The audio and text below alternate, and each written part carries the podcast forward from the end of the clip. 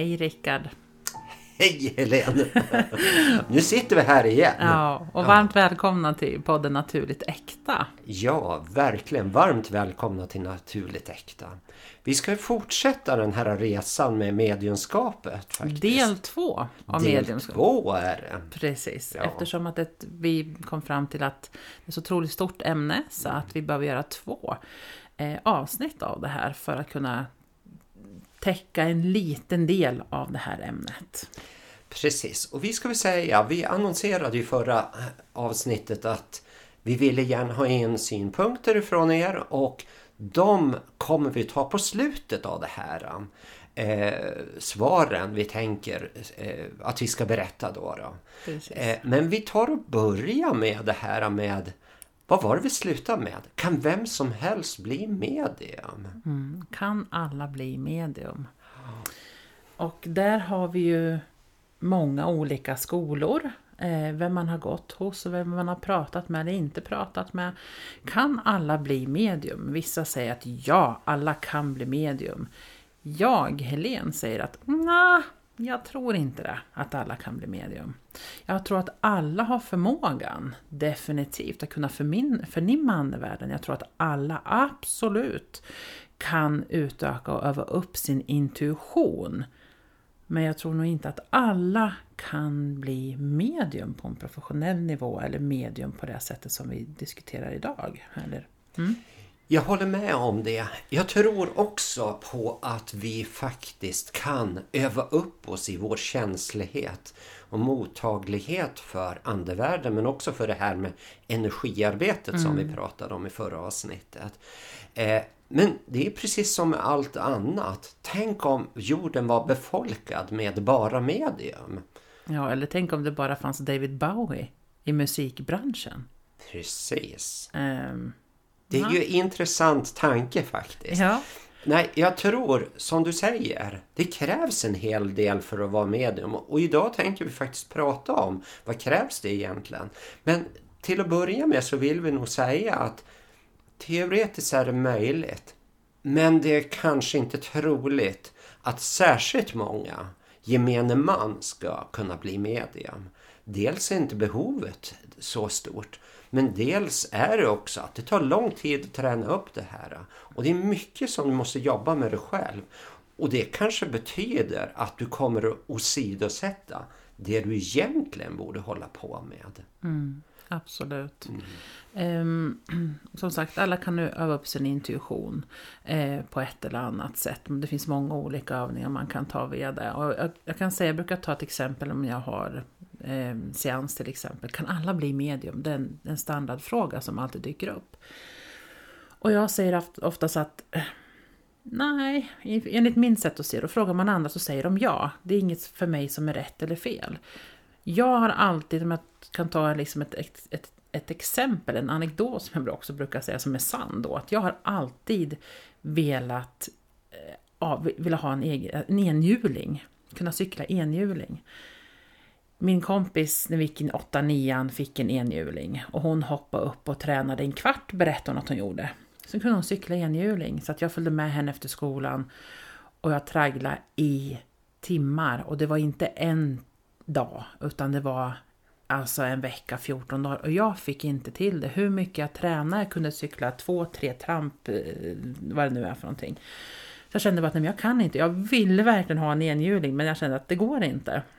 Och haft har möjlighet att prova på under mitt vuxna liv så träffar jag min man som har en enhjuling. Han hoppar upp, han snurrar, han cyklar framåt, han cyklar bakåt och jag bara jag vill också. Och försöker. Det är precis som att jag är ergonomiskt okapabel till att kunna cykla enhjuling. Så för mig är det så att mina barn kan cykla enhjuling. Jag fixar inte det, hur mycket jag än vill. Det kanske är samma sak med mediumskapet, att jag vill bli ett medium, jag vill verkligen göra det, men jag kanske inte har de förutsättningarna på samma sätt som andra har. Det kan inte finnas Beyoncé, alla kan inte bli Beyoncé eller Edith Piaf. Eller Bill Gates. Precis. Och Det är inte säkert att alla verkligen vill bli det heller. Men jag tänker också att teoretiskt är det möjligt att träna upp en hel del saker. Men mediumskapet är inte bara glitter och glamour. Ljus och det kärlek. Har, ljus och kärlek. Om vi pratar vårt andliga språk. ja, som väldigt många använder sig av. Ja, men det är faktiskt så att det är ett himla krävande jobb. Eh, bland annat är det ju det. Du ska lära dig att omvandla känslor till ord. Som vi sa i förra avsnittet, hur lätt är det för vardagsmänniskan att göra det? Om du sen ska förmedla känslor du får från andevärlden och eh, de kommer in i din aura, presenterar sig själva. Du ska omvandla den känslan som du får när de kommer in i auran och känner av det där.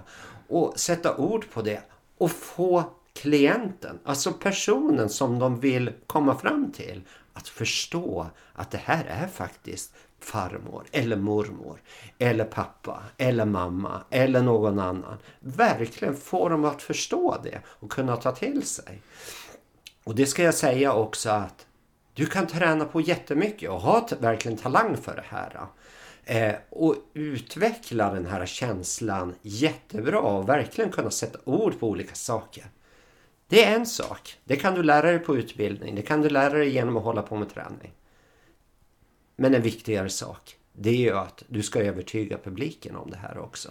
Ja. Är du på en seans så behöver du övertyga publiken om att jag har faktiskt din pappa med mig här. Mm. Ja, eller, eller liksom komma med den bevisföringen. Eh, och sen är det så att jag, ibland när jag har seanser då, då kan ju två, tre känna igen det här. Och så, så kan jag liksom skala ner. Den här mannen hade mustasch, den här mannen hade slitna jeans. Och så räcker de upp handen och man, det känns som att jag har tre personer som är väldigt lika en och samma i karaktär. Tills jag hittar en grej som verkligen särskiljer de här. Eh, tills man liksom kan hitta liksom då att det här är till dig då. Även om de andra kanske känner igen en del av det. Men det är just det här med att även om jag har förmågan att öva upp att den här bevisföringen, att så här och så här, har jag möjlighet och har jag som medium den kapaciteten att kunna leverera ett budskap på ett känslomässigt intelligent sätt. Ehm, om jag har en privatsittning till exempel och jag sitter och jag har en klient som har kommit och vill träffa en anhörig som vi pratade om i tidigare avsnitt. De kanske vill träffa någon specifik person och då kommer andra andar emellan. Och så kommer en person som tyvärr då kanske har gått bort på ett väldigt traumatiskt sätt. Eh, personen vet direkt att jag har eh, kontakt med barn eller anhörig på, alltså som har gått över. Och den kan verkligen känna igen det jag beskriver. Kan jag då som medium fortsätta hålla en professionell nivå? Att fortfarande ge bevis och beskriva den här kärleken eller de här tankarna som har funnits efter den här personens bortgång, vad som har hänt i livet för min klient, vad, vad det nu anden vill välja. Det är det här som är det svåra, att har jag kapaciteten att leverera den här känslomässiga informationen på ett sätt som gör att den kan mottas på ett väldigt bra sätt hos min klient. För det är ju inte bara så att åh gud vad hemskt att vara med om en bilolycka, wow, wow. Jag, jag kan ju liksom inte, även om jag känner allt det här, så kan ju inte jag gå in och bli känslomässigt engagerad i budskapet som är till min klient. Och det är jättesvårt, för vi är människor när vi jobbar som medium. Det är klart att om någon har förlorat ett barn och man tänker sig in i en split sekund att fruktansvärd upplevelse. Men om jag går in och i en split sekund så går mitt ego in och då är inte jag neutral längre. Och då kan jag känna att tårarna kommer. Så det är, det är inte bara liksom att hitta på någonting. Precis, och det här är ju oerhört svårt faktiskt att kunna ställa sig själv åt sidan och vara professionell. Och kunna leverera, fortsätta leverera även fast man ser att klienten gråter, eh, klienten tycker det här är jättejobbigt. Fortsätta leverera på ett respektfullt sätt mm. utan att man själv går in med sina egna känslor och försöker släta över eller fixa till eller något sånt där. Mm. Utan verkligen bara släpper igenom. Och sen det du också sa om det här med bevisföringen. Vi kan ju alltså få uppleva som medium verkligen hur det har gått till när en människa har gått över till andra sidan. Och det är inte alltid det är ett trevligt sätt som människor går över på andra sidan. Och ska vi förmedla det här ja, då behöver vi liksom, ja, hur förmedlar man en sån här kunskap som vi får till oss på ett sätt så att klienten kan ta emot det utan att vi börjar leverera en massa detaljer som blir så smärtsamma så att klienten klarar ja. inte av att ta emot det utan får ett trauma av det här. Precis. Det är en balansgång som heter duga. Så därför innan man bestämmer sig för att jag vill satsa på medlemskapet. Kan vi hantera sådana här situationer? Kan vi vara neutrala? Kan vi ge uttryck för saker och ting utan att skrämma personen? Mm. Och det finns ju faktiskt, både du och jag har varit med om det, människor som har gått till medium och blivit uppskrämda. Har du något exempel du kan berätta? Ja, alltså jag har ju mött jättemånga klienter. Och det första som jag brukar säga också när jag, innan jag har liksom som ett litet tal innan jag har en klient eh, för att förbereda både andevärlden och klienten hur jag jobbar. Och det är att jag säger det du behöver, eller andevärlden säger det du behöver höra, inte det du vill höra. Eh, och det är liksom fortfarande på ett sätt som andevärlden levererar och skulle jag gå in där med mina personliga åsikter så blir det verkligen fel. Och jag har ju alltså träffat klienter som att de har ju vägrat åka i en bil med en viss färg. För att jag var till det här mediumet, eller jag gjorde den här tarotläggningen och jag skulle förolyckas eller vara med om en jättesvår olycka om jag åkte i en blå bil eller röd bil eller en vit bil. Så att det har hindrat dem, det liksom handikappat dem kan jag säga, eller kapat av deras eh, li liv på ett sätt att ja, men i, i mitt jobb så har vi en, en vit bil och vi skulle åka iväg så jag kunde inte följa med för att jag kan inte åka den här vita bilen. Att klienten tyvärr blir så uppskrämd så att de slutar att leva och det är inte därför man går till ett medium eller går och får vägledning på det sättet utan man kommer dit för att man antingen behöver bekräftelse som vi pratade om förra avsnittet eller att man behöver ha förståelse eller en trygghet eller en alltså känna sig upplyft på något sätt i den informationen de får. Jag personligen får aldrig sådana budskap att man förolyckas eller det är jättemånga som kommer och jag vill inte veta något otäckt, jag vill inte veta när jag ska dö. Och nej men jag får inte den informationen. Den informationen levererar, levererar inte andevärlden till mig. Jag håller med om det där. Det är ju faktiskt jätteviktigt att vi inte levererar en information då som kan göra människor uppskrämda. Mm. Och jag har ju också varit med om, eller hört talas om, jag har själv inte varit i ett medium som har levererat någonting otäckt till mig. Ja, eller mm. någonting sånt där då, Men däremot så har jag haft eh, vänner då som också håller på att ha utvecklat medlemskap. Som har varit i någon sån här självupp lärd lärt eh, tarotläggare eller någonting och blivit skitskrämda av det som, som de säger.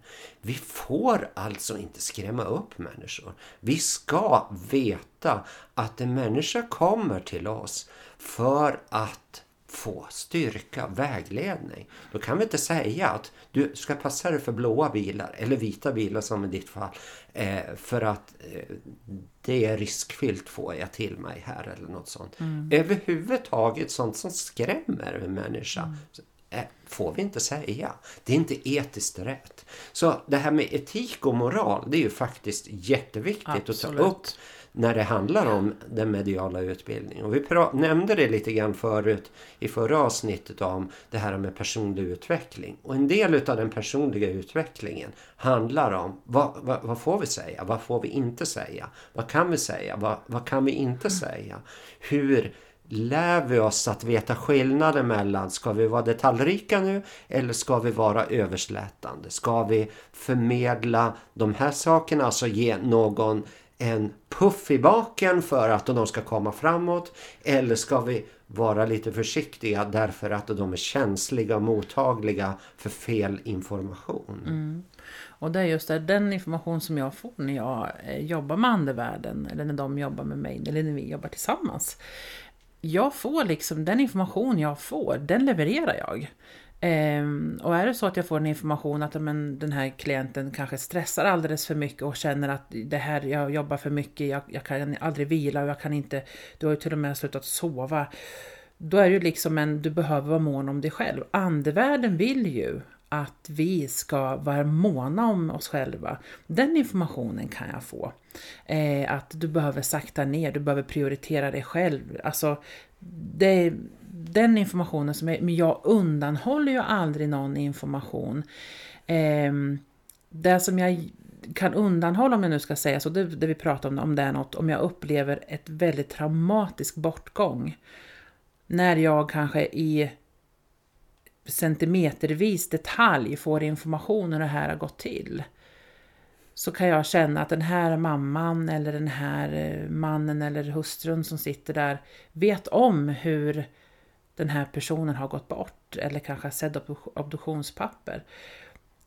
Där kan jag säga att man har gått bort på ett väldigt traumatiskt sätt. Ett väldigt traumatiskt sätt. Vilket inkluderar alltihopa.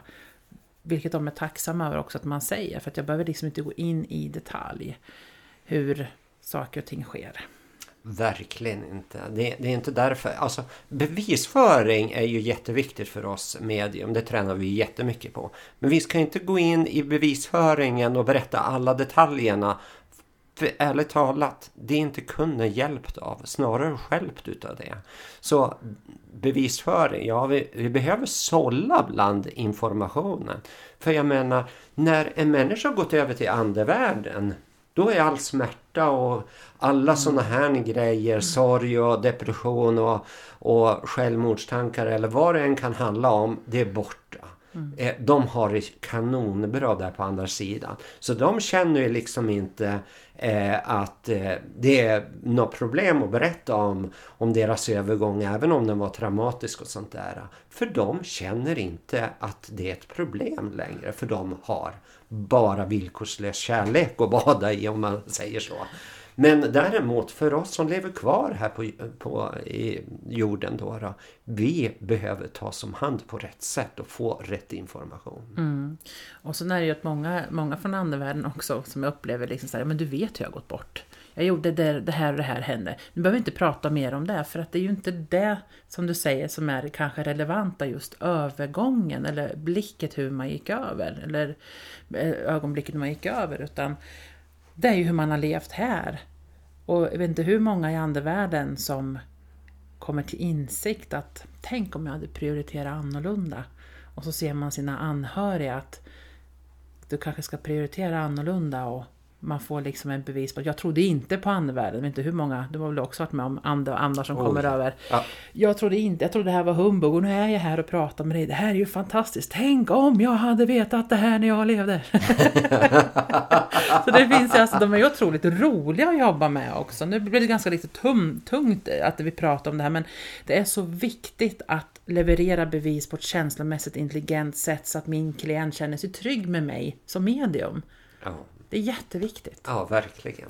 Och det här med att det är roligt. Ja, jag vet inte hur många gånger de skojar om olika saker då från andra sidan. Och de kan berätta om Alltså, det är inte så att de springer runt och följer oss hack i hälarna hela dagarna, vi som lever här i den fysiska världen. Det ska ni inte tro.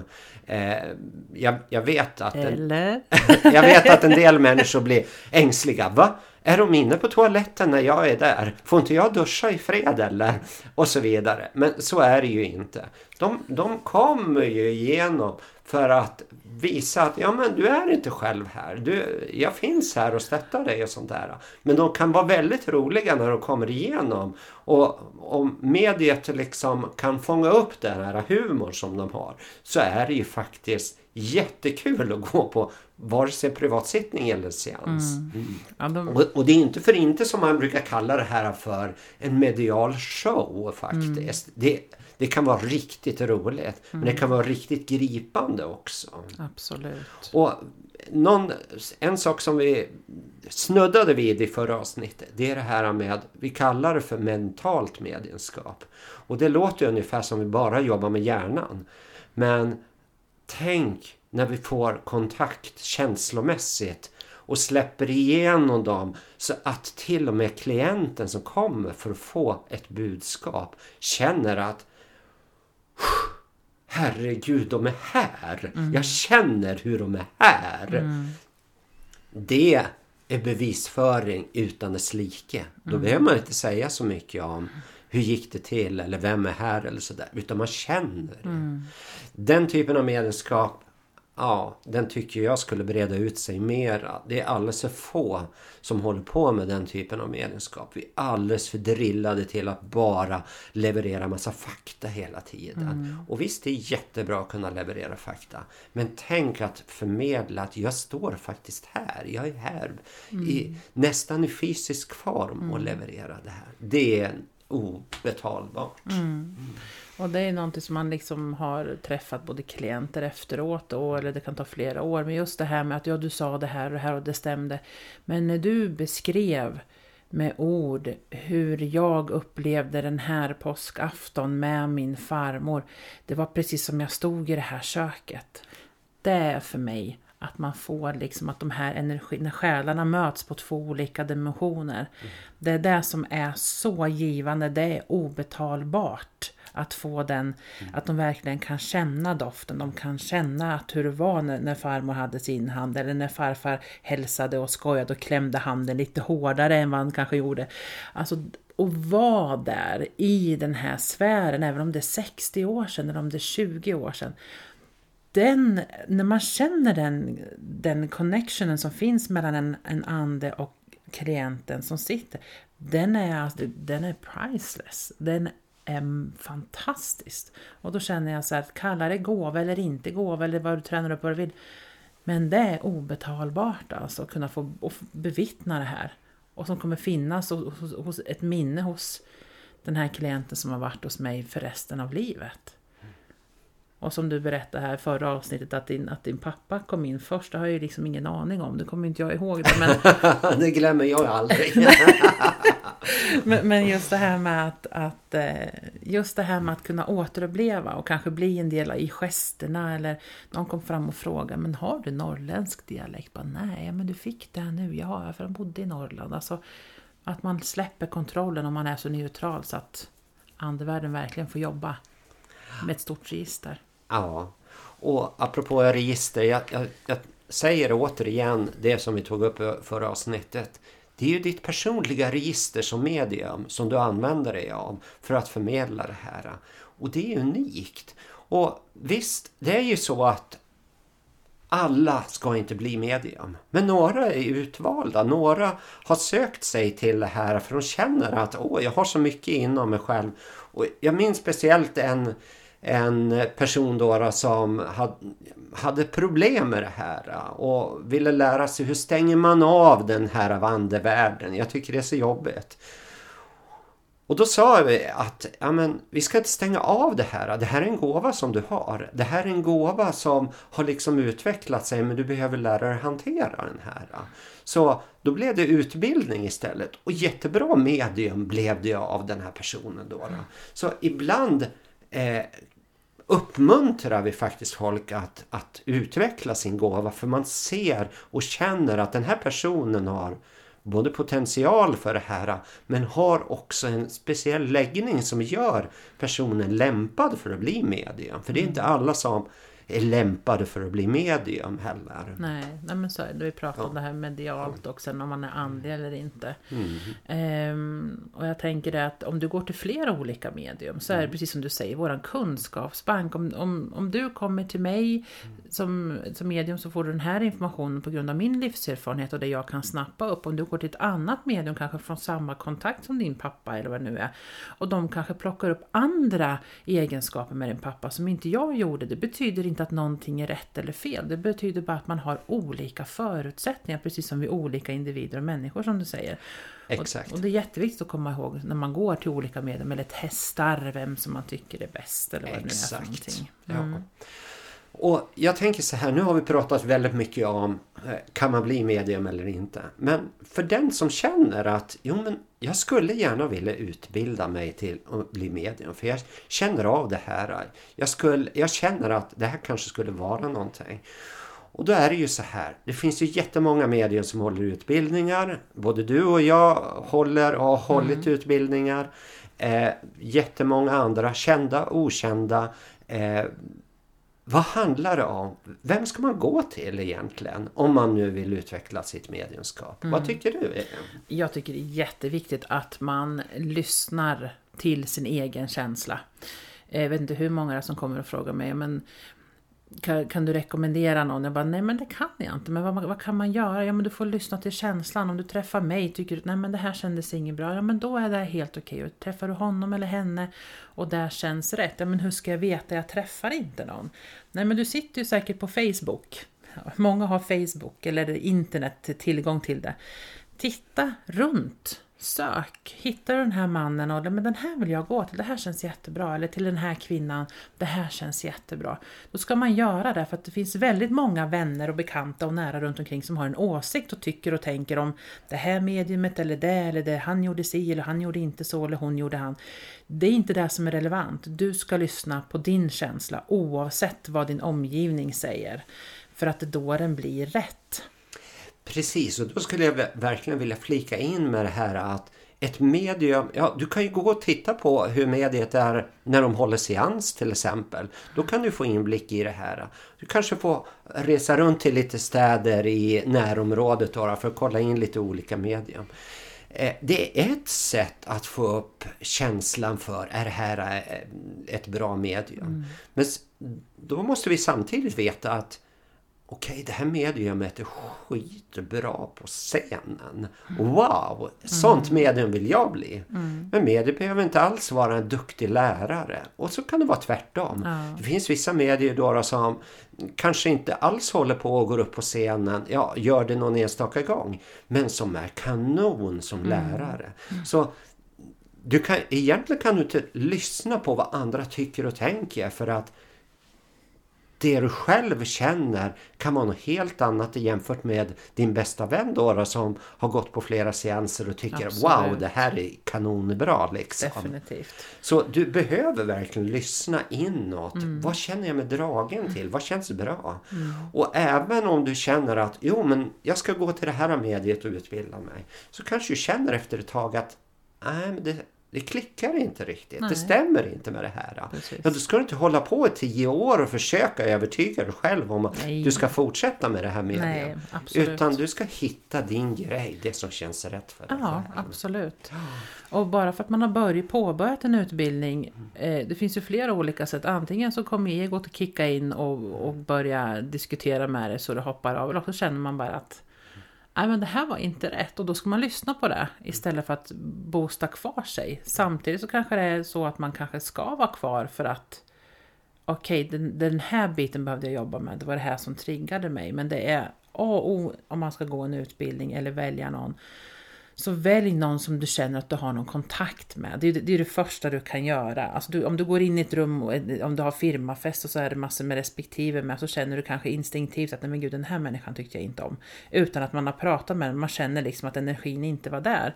Och det är ju där du har att gå på om du ska sitta på nätet och titta eller läsa om personen. Läs Eh, om det finns recensioner, läs vad andra tycker och tänker. Eh, på Facebook får man ju både plus och minus om man nu inte sköter sig eller om man sköter sig.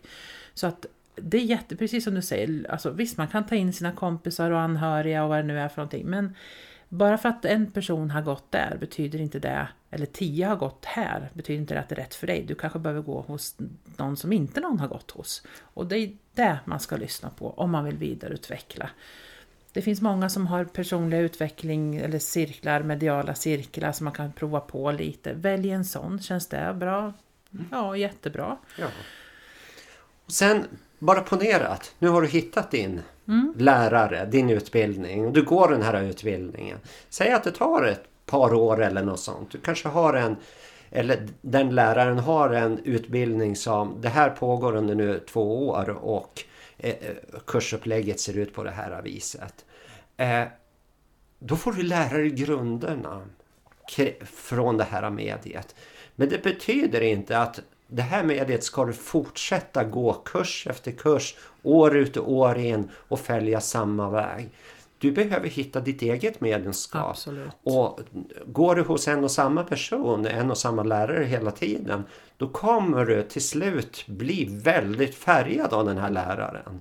Och då kommer du inte att utvecklas lika mycket som om du byter lärare. Nu ska man inte hoppa hit och dit eller sådär. Ja, men det är jätteviktigt det du säger. Ja, Otroligt för viktigt. Jag, jag tänker på det. Jag, jag gick för samma lärare hela tiden. Men så kom jag till Stansted och Arthur Findlay College där och fick andra lärare. Och det var skitbra för att då kommer jag ur den här comfort zone som vi tyvärr hamnar i då, då om vi håller på för länge. Går utbildning efter utbildning för en och samma lärare. Då, då, då vet vi, så här funkar det. Men så kommer vi till en annan lärare som lär ut någonting annat. Och plötsligt så känner du bara oj! Det här var nytt för mig. Det här var lite läskigt. Det är samma egentligen inom vad du än håller på med. Olika tränare i idrottslag eller, eller olika lärare i andra sammanhang lär ut olika saker. Ja men precis. Och, och går man liksom, alltså oavsett om du har en arbetsgrupp och man har diskussioner, man jobbar med samma, till slut så känner man ju alla, det är ingenting nytt. Man vet vad den här personen ska säga. Eller som familjemiddagar. Man vet redan och man blir väldigt, alltså det är ingen utveckling. Nej. Utan man behöver utmana sig själv precis som du säger. Och jag är inte rädd för att säga till mina elever, men alltså det är helt okej. Att någon säger så att men jag slutar. Ja men det är helt okej. Det gör inte mig någonting. Jag är glad att du har varit här och provat. Och det här behöver inte vara hos eh, någonting för dig liksom. Och det är... Om jag säger så här, om, om det var ingen som skulle sluta mina utbildningar, då skulle jag göra någonting fel. Då skulle jag göra någonting som inte, alltså... Då, då, då har du inte gjort dem, eh, vad ska vi säga, eh, då har de inte gjort dem självständiga. Då är de Nej, beroende utav dig. Precis, hela tiden. Och jag vill liksom att någonting som jag verkligen månar om det är att hur känner du som elev? Hur känner du oavsett om du sitter här i, i den här gruppen, eller om du är på arbetet, eller om du sitter och pratar med, med din respektive, eller om du vill boka en resa och du pratar med dina vänner. Vad är din känsla? Hur upplever du saker och ting? Det är det enda som betyder någonting för mig. Att du lyssnar och är sann emot din egen känsla och din inre röst. Annars liksom, som sagt, sk- skulle jag inte få någon motgång eller något negativt, då, då gör jag någonting fel. Ja. Så, det tänker jag. Absolut. Jag håller med dig. För att jag menar, någonstans så vill man, vi som lärare, vill förmedla vidare att ja, du behöver få lite nya infallsvinklar. Det är bra att träna. Åk iväg på någon mediumvecka i England, i Sverige. Eh, prova några andra lärare. Vad får du lära dig där? Eh, kanske du känner att det här med plattformsarbete, det vill säga träna inför att hålla seanser, är din grej. Eh, pröva att gå på någon sån utbildning där du får mer möjlighet, där de kanske nischar sig till just plattformsarbete. Är du mer en sökare för att du vill Ja, men jag vill utveckla det här med psykometri och känna av olika kontakter, kanske göra husrensningar och liknande saker. Ja, då är det kanske en annan väg du ska välja och sånt. Så efter ett tag så kommer du märka, nu dras jag till det här. Och det är viktigt att du är lyhörd mot dig själv. Mm. Det är ju det allting handlar om. Att vara lyhörd mot andevärlden, det är också att vara lyhörd mot sig själv. Precis, och, just eh, oavsett vad man väljer så är den personliga utvecklingen A och O. Och är det någonting som inte känns rätt, lyssna på det. Eller gå in i ett gammalt beteendemönster som, och så fort det blir lite jobbigt och obehagligt, backar jag då och inte konfronterar det. Lär dig Försök att hitta och lyssna på vad jag tycker om. Du kanske äter, och det finns en film som jag brukar säga som är så jättebra, det finns en som heter um, Runaway Bride med Julia Roberts och uh, Richard Gere. Ja. Hon springer, så fort hon kommer till allt att hon ska gifta sig ett x antal gånger så springer hon därifrån. Och sen mot slutet av filmen så tror jag hon gjorde typ tio olika ägg för att hon har, hon har blivit tillsagd i det här äktenskapet att hon tyckte om stekt ägg och sen hon har alltid tyckt om pocherat och det och det men hon hade gjort alla de här olika sorters ägg, äggrör, omelett, pocherat, ägg benedict och som hon har alltid vetat om att jag tycker om men av påverkan av andra så kommer de fram till att men jag tycker nog bara om den här stekta ägget, jag tycker inte om de andra äggen. Så liksom vad är det du tycker om? Vad är det du eh, har blivit påverkad av din, i ditt bagage? Influerad utav. Så att lyssna, den personliga utvecklingen är A och O oavsett vad du väljer. Det finns inga genvägar. För får man genvägar så hamnar man alltid på ruta ett eller på samma ställe igen förr eller senare. Precis, och det här tycker jag är en jättebra avrundning utav del två. Mm. Och eh, jag tänker att ja, vi skulle kunna prata vidare, del tre, del fyra, utan Ja. problem. Men nu tänker jag att ni, ni faktiskt har fått en hel del information kring det här med medlemskapet. Och jag hoppas ni har tagit till er att det är inte den enklaste saken i världen att utbilda sig till medium. Och kanske inte alla ska hålla på med det här. Utan speciellt de som känner att jo, men det här är verkligen min grej. Och jag har de här talangerna och jag har den här läraren nu då som är villig att satsa på mig. Eh, då kanske det är rätt. Absolut, och jag hoppas verkligen att ni har fått en tankeställare. Oavsett om ni är skeptiska eller tror på mediumskapet eller om ni är nyfikna. Så var inte rädd för att experimentera och var inte rädd om du är på en stortjänst och gå fram till mediet och ställ frågor. Var inte rädd för att fråga, alltså, du kan inte få mer än ett nej eller jag har inte tid. Men var, fortsätt att vara nyfiken när det gäller det här ämnet och var kritisk. Jag som medium är kritisk. Det är, absolut ska du vara skeptisk och kritisk. Det Precis. håller en alert. Precis. Och jag har ju varit på en hel del seanser för att se hur andra jobbar. För det tycker jag också är en del utav lärdomen. Man tar till sig Aha, den där personen gjorde det här bra. Det har inte jag reflekterat över. Det tyckte jag var bra. Det ska jag också träna på att Ja. göra. Så lägger man till sig en pusselbit här, en pusselbit där och så vidare. Och, och jag känner att det har gjort att jag har hittat min egen väg i mediumskapet men också i livet. Att Trots allt, vi ska inte bli en dålig kopia utav ett bra medium. Du är ju utbildad utav Terry Evans, men du är ju inte Terry Evans. Utan du Nej, är ju dig ju- själv. Ja, precis. och du ska ju vara dig själv, för det är det du är bäst på. Ja, men det är det som är att vara ett original. Det är det som är hellre ett original än en billig kopia. Exakt, faktiskt. exakt. Eh, så eh, ja, tack Rickard. Otroligt fascinerande ämne. Ja, och det vi är det har verkligen, jag hoppas att vi har eh, gett lite svar på vissa frågor och funderingar som ni har. Så självklart kan vi prata om det här i tio avsnitt till, men det här är del två av del två.